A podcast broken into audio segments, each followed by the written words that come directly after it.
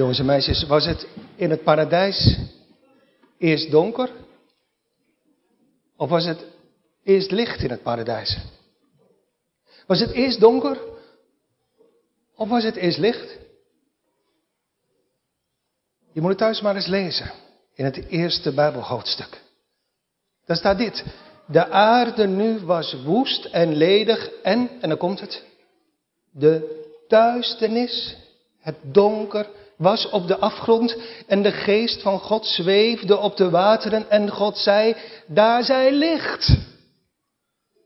En daar werd licht. En in de dagen daarna hoor je eigenlijk steeds hetzelfde. Dezelfde echo. Toen was het avond geweest, is donker. En het was morgen geweest, toen werd het licht, de eerste dag. En toen was het avond geweest en toen was het morgen geweest, de tweede dag. En weer was het donker en licht, de derde dag. In de schepping wisselden donker en licht elkaar af. Maar voordat het licht werd, was het steeds donker. Dat is een Bijbels patroon, dat is een Bijbelse volgorde. Eerst donker en dan licht. Zo was het in de schepping en zo is het in de herschepping. En daar bedoel ik mee, zo is het ook in het maken van nieuwe harten door de Heilige Geest in de harten en levens van zondige mensen die uit dat paradijs verdreven zijn. Het was donker geworden door onze zonden. Maar God schept nieuw licht. Er zij licht. En daar is licht. Je zegt, zou het nou niet beter zijn? Zou dat niet veel eenvoudiger en beter zijn als het altijd gewoon licht was? Ja, maar zou dat nou goed zijn voor de bloemen en de bomen en de planten? Als altijd alleen maar zoals vandaag de zon zou schijnen? Dat zou niet goed zijn. Want die bomen en die planten hebben ook het donker van de nacht nodig. En dat zie je als je nu om je heen kijkt, ook de wind en de regen. En die grote bomen die hier staan, en op andere plaatsen, die hebben ook stormen nodig, zodat hun wortels dieper in de grond groeien. In Psalm 30 gaat het ook over die twee dingen. Over het donker van de nacht. En over dat er zij licht uit de mond van de Heer. De tekst voor vanmiddag, voor de preek van vanmiddag staat in Psalm 30. Het zesde vers, het tweede deel daarvan. Deze zin. Des avonds vernacht het geween, maar des morgens is er gejuich. Het thema voor de preek is de zegen en het nut van wegen van tegenspoed en duisternis. De zegen van wegen van tegenspoed en duisternis. We, letten op twee dingen. In de eerste plaats op het donker van de nacht. Want er staat, des avonds vernacht het geween. Nou, vernachten dat wil zeggen, blijven slapen. Dus eigenlijk staat er, huilen blijft de hele nacht. Donker van de nacht, onze tweede gedachte, het licht van de morgenwand staat er, maar des morgens is er gejuich. Letterlijk staat er zoiets als, s'morgens een uitroep van vreugde. Heel kort en kernachtig, zonder werkwoord. S'morgens gejuich. Maar eerst het donker van de nacht. Deze psalm is gemaakt, is gedicht in een moeilijke tijd. Welke tijd dat precies was, dat laat ik maar even rusten. Maar wat duidelijk is uit deze psalm is dat David heel erg ziek geweest is. Zo erg dat hij bijna stierf. Lees maar even mee in vers 3, 4 en 5. Waar hij zegt, Heere mijn God, ik heb tot u geroepen en u hebt mij genezen. Dus hij was heel erg ziek. Kijk maar in het volgende vers. Heere, u hebt mijn ziel uit het graf opgevoerd, zoals je een emmer ophaalt uit de put uit het graf opgevoerd. U hebt mij bij het leven behouden. Dat ik in de kuil, dat wil zeggen in de put van het graf, niet ben neergedaald. Psalm zingt den Heere, gij zijn gunstgenoten en zegt lof ter gedachtenis van zijn heiligheid. Een wonderlijke zin is dat. Want uit alles blijkt als je deze psalm leeft dat David in zonde gevallen was. En waar zingt hij uiteindelijk van? Hij zingt lof ter gedachtenis van, hij prijst Gods heiligheid. Je zegt, hoe ging dat eigenlijk? Eerst was David dus heel erg ziek. Hij was bijna gestorven. En nu, nu zingt hij weer psalmen voor de Heer. En nou, hij zegt het zelf hoe dat gegaan is. Hij zegt, want een ogenblik is er in Gods toorn, maar een leven in zijn goedgunstigheid. En dan komt de tekst, des avonds vernacht het geween, maar s morgens gejuich. We gaan eerst, dat zei ik u al, nadenken over dat eerste. Huilen blijft de hele nacht. Waarbij je bij dat woordje nacht niet per se hoeft te denken aan een nacht van zes, zeven, acht uur, of hoe lang u ook graag slaapt. Maar het gaat ook om een bepaalde periode. Een nacht is beeld voor een periode van nacht, van nachten, van dagen, misschien wel van weken, maanden, jaren. Meer dan tien jaar lang was David op de vlucht voor Saul. En dat was voor hem een tijd van tranen en verdriet. Denk maar aan Psalm 42, wat we zongen. Mijn tranen zijn mij tot spijs, die eet en drink ik dag en nacht. Iedereen van ons kent nachten van duisternis en tranen van verdriet. Want dat weet u, dat voelt u sinds het paradijs is het donker geworden.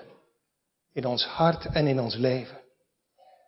Donker door de moeite en het verdriet en de tranen van het tijdelijke leven, maar ook geestelijk donker. Omdat wij God verlaten hebben. Maar het erge is dat heel veel mensen daar, en, en ik zeg dat als spiegel voor uw hart, kijk naar uzelf en denk aan uzelf, dat heel veel mensen daar geen erg in hebben. Ze voelen wel, als ze eerlijk zeggen wat er leeft in hun hart, ze voelen wel dat ze iets missen, dat het niet goed zit van binnen, maar ze weten niet wat ze missen. Het is wel donker in hun hart, maar, maar ze zien het niet. Want ze zijn blind. Geestelijk blind. Hun hart is geestelijk dood en dus, hoe erg het ook allemaal is, ze voelen het niet en ze zien het niet zoals ze het zouden moeten zien en voelen. Maar hier in deze psalm gaat het over een ander soort van donker zijn. Want David dat weet u, maar dat lees je ook in deze psalm, is een kind van de Heer. Hij kent, zo staat in vers 8, de goedgunstigheid, de genade, het dichtbij zijn van de Heer. Hij kent iets van het licht in Christus Jezus van Gods vriendelijke aangezicht. Maar, wat is dit een eerlijke psalm? Toen werd het anders. Toen werd hij niet alleen ernstig ziek, maar erger nog, de Heere verborg zijn aangezicht voor David. Dat wil zeggen, David zag de Heere niet meer. En hoe hij hem ook zocht, misschien wel niet zocht, hij kon hem niet meer vinden. Zoals er nu in deze tijd ook kan zijn in het leven van Gods kinderen. De Heer kan ernstige ziekte, tegenspoed, verdriet op ons pad brengen. Nooit vergeten, dat komt niet uit Satans hand. Dat komt uit Gods vaderlijke, liefdevolle hand. Eenzaamheid, pijn en moeite. Vooral door het verlies van geliefde, man, vrouw, kind. Er kunnen grote zorgen zijn in familie, in gezin, op het werk. Er kunnen zoveel onopgeloste vragen zijn. Als het gaat om Gods leiding in ons leven. Er kan zoveel geestelijke verwarring zijn van binnen, duisternis in het hart. Verzoeking zoals bij David tot de zonde, meegesleurd worden door de verleiding van de, van de schijnbaar mooie dingen van deze wereld. We kunnen, is het niet waar, kinderen van God, in de ervaring van ons hart, God kwijt zijn. Zodat we zuchten met Psalm 42, Heer, waarom vergeet u mij? En onze vijanden wrijven zout in de wond als ze zeggen, waar is nu uw God? En toch moeten we ook eerlijk zijn. En niet alleen maar in ons hart of met onze mond zuchten en klagen, maar we moeten ook in stilte nadenken en mediteren en ons biddend afvragen, waarom leidt de Heer mij op deze weg?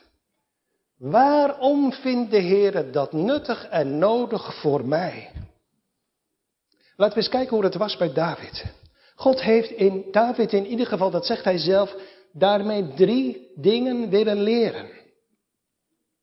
Dus wat wil God ons leren met die donkere nachten, vol van verdriet, vol van verdriet en tranen en, en met die tijden van geestelijke verlating, waar, waarin God zijn aangezicht voor ons verbergt, wat wil de Heer ons daarmee toch leren?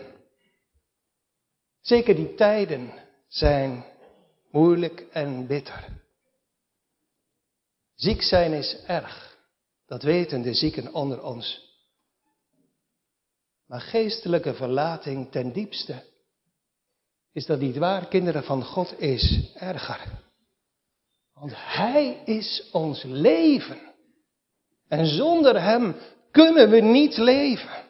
En dus zegt onze beleidenis, de verberging van dat vriendelijke aangezicht van de Heer is voor ons verschrikkelijker en bitterder dan de dood.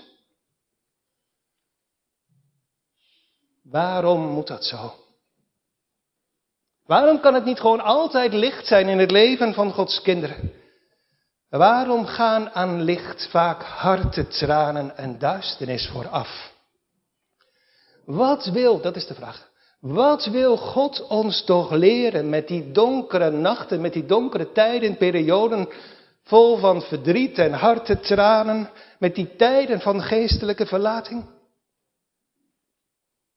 Ik zie met u in deze psalm drie dingen. Kijkt u met mij als eerste naar vers 7. Ik zeide wel in mijn voorspoed, ik zal niet wankelen in eeuwigheid. Wat een eerlijke psalm is dit. De Heer had David heel veel zegen en voorspoed gegeven. En wat was het resultaat? Hoogmoed. Ik zal niet wankelen in eeuwigheid. Het gezang van vers 5. Psalm zingt den Heere, gij zijn gunstgenoten en zeg lof ter gedachtenis van zijn heiligheid is verstomd en verdrongen door ik zal niet wankelen in eeuwigheid. En je voelt diezelfde trots ook in vers 8. Mijn berg, Sion, daar waar ik woon, mijn berg staat vast door uw goedgunstigheid. Ja, dat laatste klinkt nog wel mooi. Door uw goedgunstigheid, maar toch dat andere. Mijn berg. Sion, Jeruzalem, dat is mijn berg. En mijn berg wankelt niet in eeuwigheid. Ik zit hoog en droog, mij overkomt niets. Hoogmoedig. Trots. Schijnbaar onkwetsbaar. Ons hart verlokt en ingenomen door. Vult u zelf maar in wat ik nu ook invul. Door voorspoed, door geluk, door geld, door gezondheid, door vrede, door zekerheid over mijn bekering, over mijn roeping, door zekerheid over de weg die ik ging en die ik ga, vol van zelfvertrouwen en vergeten van de Heer. De Heer klaagt erover.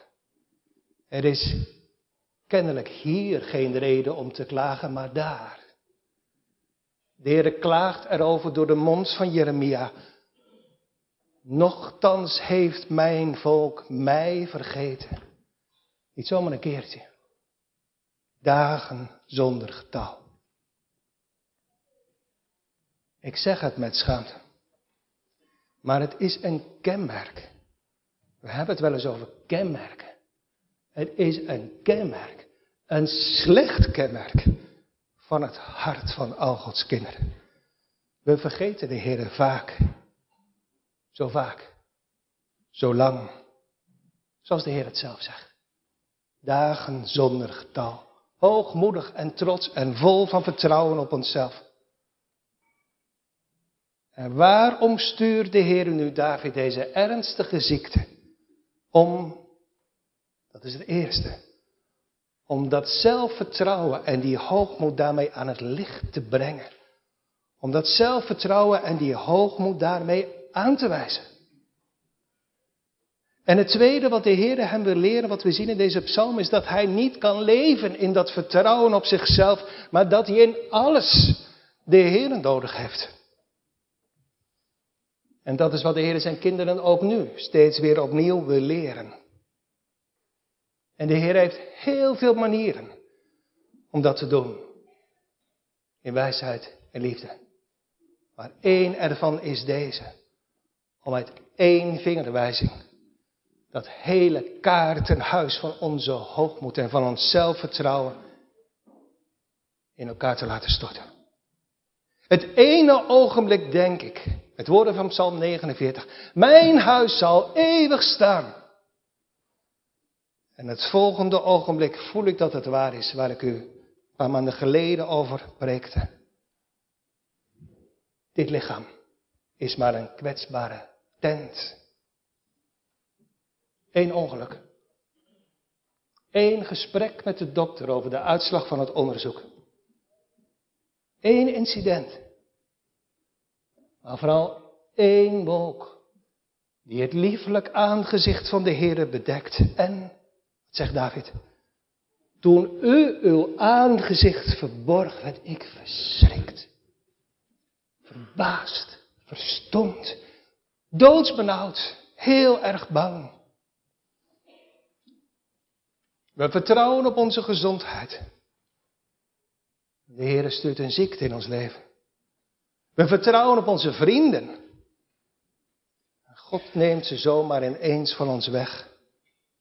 We vertrouwen op onze goede naam en op onze reputatie en God neemt die weg en brengt ons tot schaamte. We vertrouwen op onze bevinding en God stuurt twijfel en duisternis. Waarom? Om ons ootmoed en afhankelijkheid te leren. Zodat we de Heer weer gaan nodig krijgen. De Heer verbergt zijn aangezicht. Vroeger, zegt u, wandelde ik in het vrolijke levenslicht, maar nu, Heer, waarom vergeet u mij? Nu ben ik God kwijt. Mijn tranen zijn mij tot spijs, tot eten en drinken dag en nacht. Ik zie de Heer niet meer. Ik, ik weet niet waar Hij is. En de duivel spot met me. Waar is toch uw God? En ik heb geen houvast meer aan vroegere ervaringen. Teksten die ik nu opzoek, die vroeger zo tot me spraken. Ze zeggen me niets meer. Het leven is eruit. Maar wat is, geliefde gemeente, als het goed is, de diepste kern van dat verdriet? De diepste kern van dat verdriet is, als het goed is, dat ik weet dat ik God kwijt ben om mijn zonde. Om die zonde van zelfvertrouwen. Om die zonde van hoogmoed. Om die zonde van trots. Om die zonde van zelfverzekerdheid en om zoveel andere zonden. En dus wat is het dan nuttig en nodig dat ons avondmaalsformulier steeds weer opnieuw zegt en ieder bedenken bij zichzelf zijn zonde en zijn vervloeking. Waren die er niet, waren die zonden er niet, dan was er geen duisternis. Dan waren er geen tranen. Het is mijn zelfvertrouwen. Het is mijn hoogmoed, het is mijn trots, het zijn mijn zonden die scheiding maken tussen God en mijn hart. Dus wat leert de Heer? Dat was de vraag met tranen van tegenspoed en tijden van duisternis. In de eerste plaats, leert de Heer ons iets zien van onze hoogmoed en van onze zelfvertrouwen en van onze zonden. In de tweede plaats leert hij David en al Gods kinderen iets zien van wie hij is, wie wij zijn zonder God. Zij zijn aangezicht verbergt.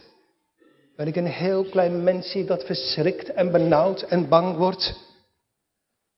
En dat, en dat is het derde wat de Heer ermee leert, brengt het hart in beweging om de Heere weer te zoeken.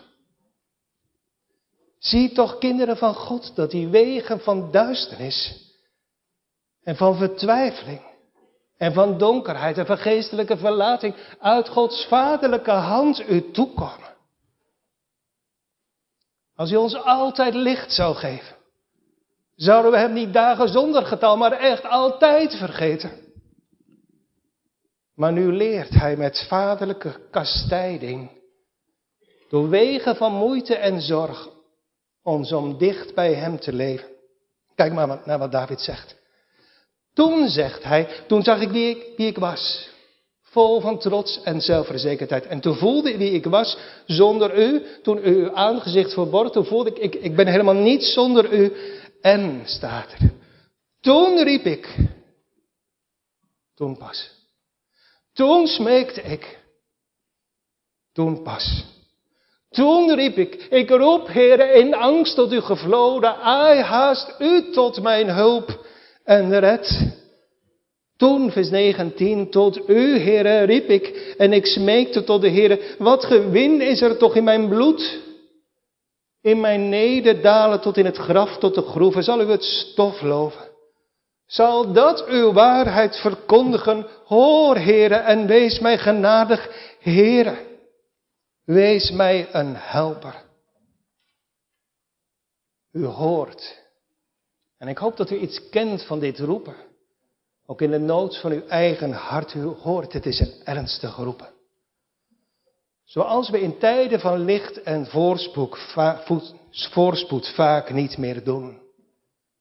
Ik riep, ik schreeuwde tot u. Ik smeekte, ik bedelde aan uw genadetroon. Het is een ernstige roepen. En het is in de tweede plaats, als u goed leest, een roepen dat de Heer redenen geeft, wijzend naar. Nou, u weet het nog van vanmorgen, ik heb niets te wijzen bij mezelf. Wijzen naar de eer van zijn grote naam. Als David zegt, wat gewin is het toch in mijn bloed, in mijn nederdalen tot in het graf. Zal u het stof loven? Dat wil zeggen, heren, hoe moet het toch met de eer van uw grote naam als ik echt omkom? Om uw naams wil, heren. Zo vergeef mijn ongerechtigheid, want die is groot. Het is in de derde plaats een roepen dat ons losrukt van de dingen waar we stiekem zo trots op waren. Het is een hulpeloze roepen dat ons terugwerpt op God alleen. O Heere, wees mijn helper. En toch is het ook weer geen hulpeloos en wanhopig roepen. Want deze bidder houdt zich al biddend en roepend vast aan de naam van de Heer, aan de trouwe naam van de trouwe verbondsgod. En doet u dat ook maar. U die in donkerheid en duisternis zucht om licht. Heer, geschreven met vijf hoofdletters, om uw naam Heilig en rechtvaardig, maar ook barmhartig en genadig, langmoedig en groots van goede tierenheid. Heren, om u en om de eer van uw naam, red mijn ziel. Wees mij een helper. Laten we het samen zingen. Voordat we verder gaan met onze tweede gedachte uit Psalm 141. En ik hoop en bid dat u dat met mij van harte zingt. Psalm 141, vers 9. Vers 1 en 9. Ik roep, Heer, in angst tot u gevloden. Ai, haast u tot mijn hulp en red. Hoor naar de stem van mijn gebed, dat ik u aanroep in mijn noden. En het negende vers, doch op u zien mijn schreiend ogen. Op u vertrouw ik in het verdriet. Niet meer op mijn berg, maar op u. Verlaat, ontbloot mijn ziel toch niet, o Heere, o eeuwig alvermogen. Psalm 141, vers 1 en 9. Ons tweede aandachtspunt, het aanbreken van de morgen. Wie slecht kan slapen, kan zich daar iets bij voorstellen. Nachtenlang lig je te woelen in bed en je ziet het aan de gordijnen, buiten is het donker. Maar dan ineens, iedereen ligt nog te slapen, maar u bent wakker. Rond een uur of vijf of vier misschien. Zie je als je door de gordijnen naar buiten kijkt dat het licht begint te worden. Langzaam verbleekt de twinkeling van de sterren. En de donker van de nacht wordt langzaam weggeduwd door de kracht van de aanbrekende dag. Bij ons in Nederland gaat dat langzaam. Maar in het Midden-Oosten en ook in Cambodja gaat dat snel. Het ene moment is het donker, aarde donker. En een half uur later is het helder licht. En zingen de vogels. Ze begroeten blij het licht van hun schepper en maker en alles is in de natuur doortrokken van het licht van Gods vriendelijke aangezicht. Zo is het ook in onze tekst. Het donker, de duisternis, het geween, het huilen vernacht. Blijft de hele nacht. dat duurt lang. Wachten op de morgen lijkt eindeloos te duren. Maar dan ineens, plotseling, morgen gejuich, daar zij licht. En daar is licht. Wat een onbegrijpelijk wonder is dat in het leven van ontdekte zondaars. Plotseling, vanuit het woord, het licht van de dag gaat aanlichten. In hun hart, en ik hoop dat het ook bij u zo zal zijn, is zoveel verdriet en oprecht berouw om hun zonden. En ze schreeuwen naar God toe. Wees mij een helper. Maar het blijft maar zo donker. En hoe langer de nacht duurt, hoe meer ze gaan roepen. Hoor, Heer, wees me genadig. Heer, Heer, wees me een helper. Totdat God op zijn tijd ineens vanuit het woord, vanuit de prediking, het licht van zijn vriendelijk aangezicht laat stralen. Wie doet dat? Ook als na ontvangen genade, zoals bij David. Het door eigen schuld weer zo donker geworden is in ons leven. Wie ontsteekt er licht in de duisternis? Wie laat de zon opgaan s morgens? Wie laat de vogels zingen? David zegt het in vers 12. U, u hebt mijn weeklacht en geschrei veranderd in een blijderij. U hebt mijn verdriet weggedaan en mij met blijdschap omgord. U, Heere, hebt het gedaan. Wie het doet? De Heer. Dus hoop op de Heere, gij vromen. Is Israël in nood? Er zal verlossing komen. Want Gods goedheid is zeer groot. Wie doet het? de Heer. Waar wordt het licht? Waar is ooit, denk eens naar jongens en meisjes, waar is ooit de diepste duisternis, de zwartste nacht licht geworden en opgeklaard? En waar klaart dus de duisternis op in het hart van Gods kinderen? Aan de voet van het kruis op Golgotha. Maar in de stikdonkere nacht van Gods verlating, donkerder kon het niet worden. De Heer Jezus uit moest roepen in al zijn zielenlijden, mijn God, mijn God, waarom hebt u mij verlaten? Als ik met al mijn zonden, gedrongen door die wegen van tegenspoed en duisternis, met al mijn zonden, met mijn hoogmoed, met mijn trots, met mijn vergeten en verlaten van de Heer. Met mijn vertrouwen op mezelf. Met mijn vastzitten aan de dingen van de wereld. Als ik met gedrongen door de Heer. U hebt het gedaan. Met tranen van berouw. Eerbiedig mag buigen aan de voet van het kruis. En als ik daar mag zien, iets mag zien van dat Hij in eenzijdige en enkele liefde en genade ook mijn duisternis, mijn zwarte nacht wilde doordragen en voldragen tot het einde toe, opdat ik door God nimmer meer verlaten zou worden. Als de Heer me daar brengt en ik weer met een gebroken oog op Christus mag zien, zijn zondaarsliefde, waar hij bloedend hangt aan het kruis, dan en alleen dan en daar breekt de duisternis, breekt het licht van de opstanding door. Daar waar God zelf in de diepste nacht van mijn leven opnieuw weer een pad baant voor het eerst of opnieuw door het onmogelijke aan mijn kant heen. Zoals bij het volk Israël aan de Rode Zee. Staande voor de zee, aan alle kanten bedreigd. En je voelt, als de Heer zijn aangezicht verbergt, word ik verschrikt, ben ik benauwd. Aan alle kanten bedreigd. Dit, Filistijnen, achter bergen, daar, zee, daar. Dit wordt omkomen. Maar, God, u hebt onze weeklacht en geschrei veranderd in een blijderij.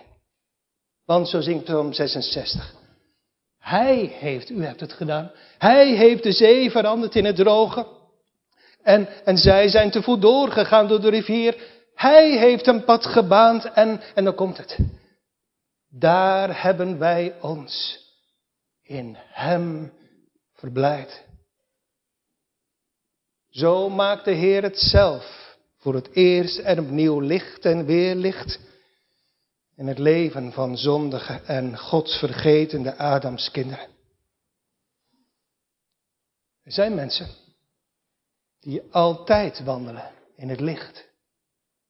Ik wandel met in het licht, in het licht met Jezus. Het is te vrezen. Als u deze psalm leest en zoveel andere psalmen, tot u de ware Jezus nog nooit hebt ontmoet. Want de Heer werkt altijd, dat zie je in de Bijbel, dat lees je overal, dat is het Bijbelse patroon.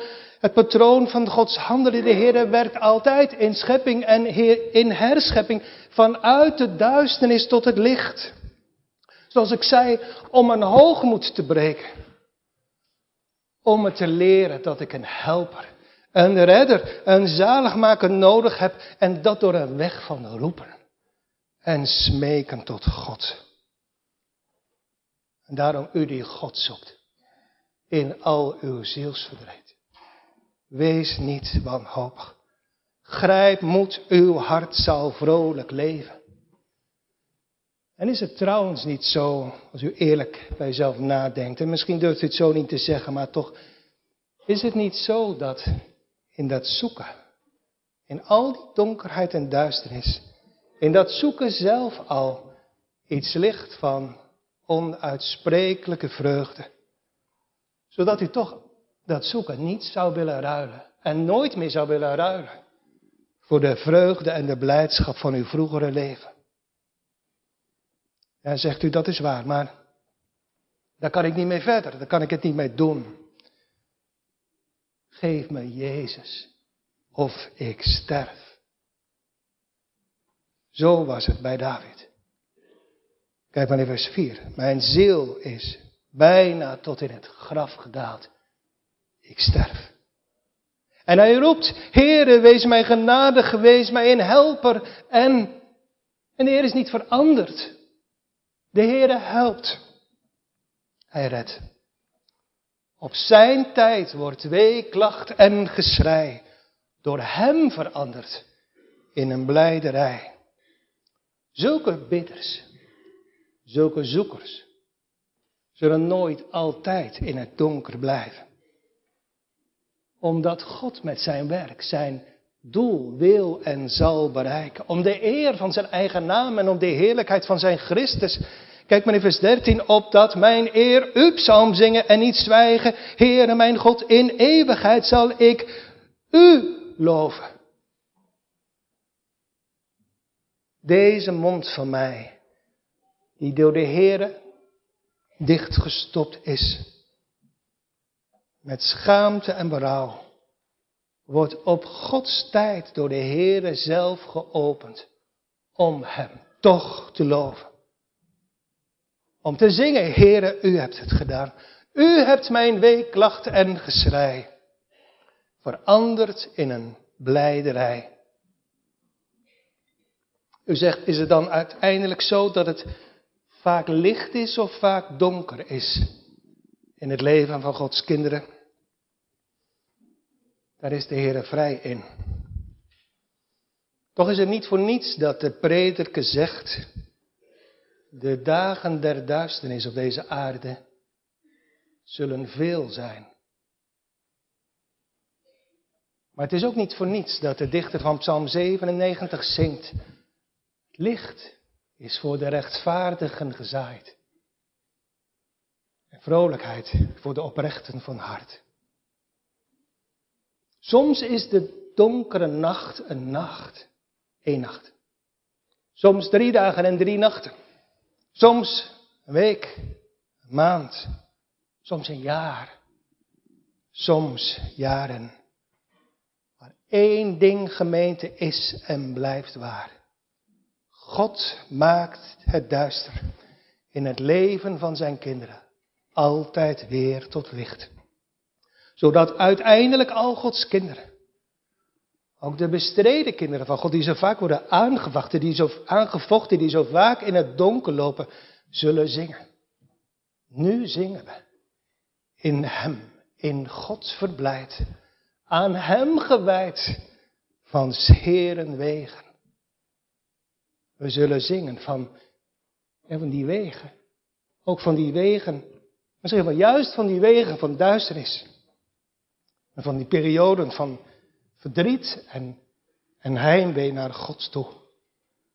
Want zo, door die moeilijke wegen, leidde de Heer ons en leerde Hij ons om ons zelfvertrouwen te verliezen. En ons om ons alleen op Hem te werpen. Niet iedereen kent iets. Doorzoek uw hart, geliefde. Kent iets van die wegen van de Heer. Die hij gaat met zijn kinderen. Lieve mensen, ik bedoel u die altijd wandelt in het licht met Jezus. Omdat u uw duisternis niet ziet. Ik bedoel u. En ik kijk niemand persoonlijk aan. Maar onderzoek uw hart die de duisternis van de zonde liever hebt dan het licht van het berouw. Ik bedoel u die wel praat over donker en licht, maar het donker en het licht niet kent. Wees gewaarschuwd, lieve vrienden. U kent ongetwijfeld tranen, maar geen tranen van Gods gemis. Waarom vergeet u mij, Heer? U kent ongetwijfeld tranen van verdriet, maar u kent niet de droefheid naar God. U praat er wel over, maar u kent het niet. Wee u, zegt de Bijbel, zegt de Heer die nu lacht, want u zult straks huilen.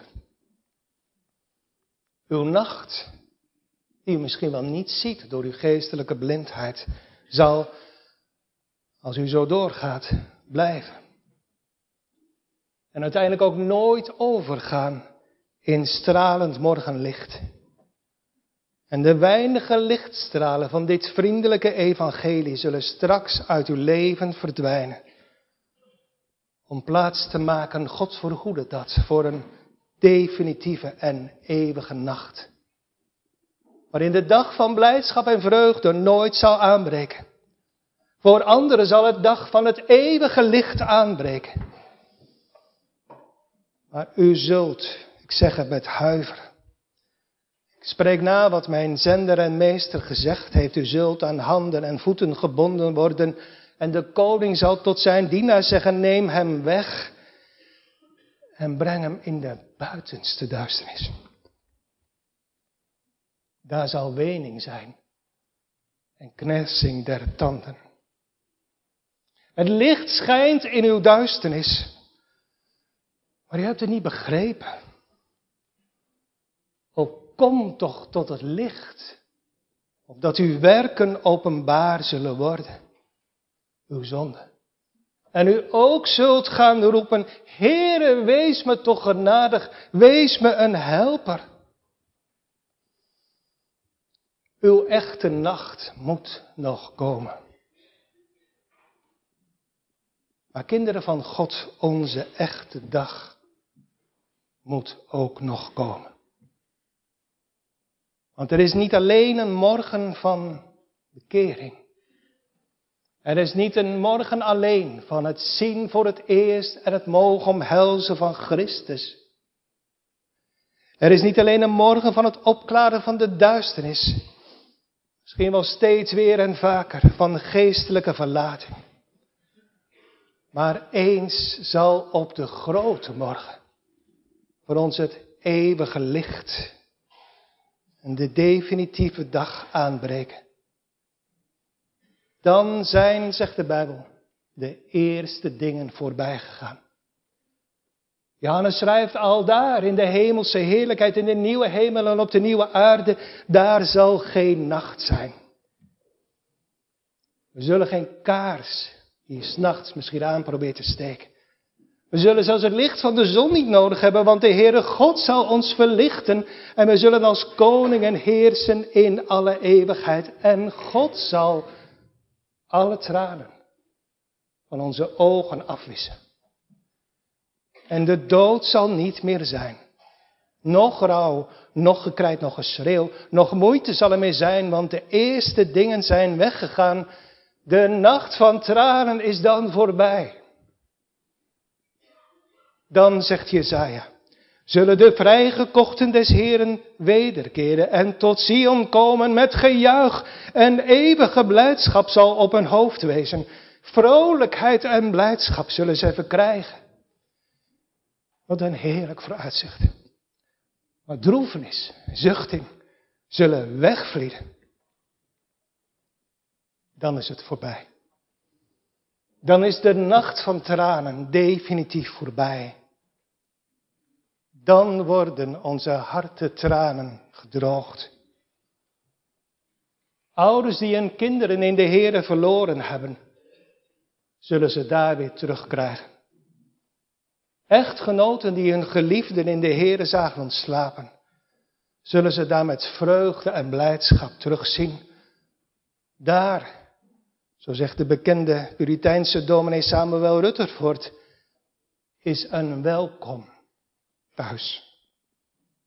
We komen allemaal thuis, zegt hij, met bedroefde gezichten en betraande, ogen. Een nacht van tranen ligt achter ons. Maar Christus zal ons ontmoeten aan de deur van de hemel met een schone en zachte doek in zijn hand en zal onze gezichten afwissen en zeggen, stil maar, mijn lieve kinderen, u zult nooit meer huilen. S'nachts vernacht het geween, maar hoe donker ooit Gods weg op deze aarde mocht wezen, op die laatste morgen zal onze blijde tong roemen in de Heer. En alle vlees zal juichen tot Gods eer. Hem zij de glorie en de lof van nu aan tot in alle eeuwigheid. Halleluja. Amen.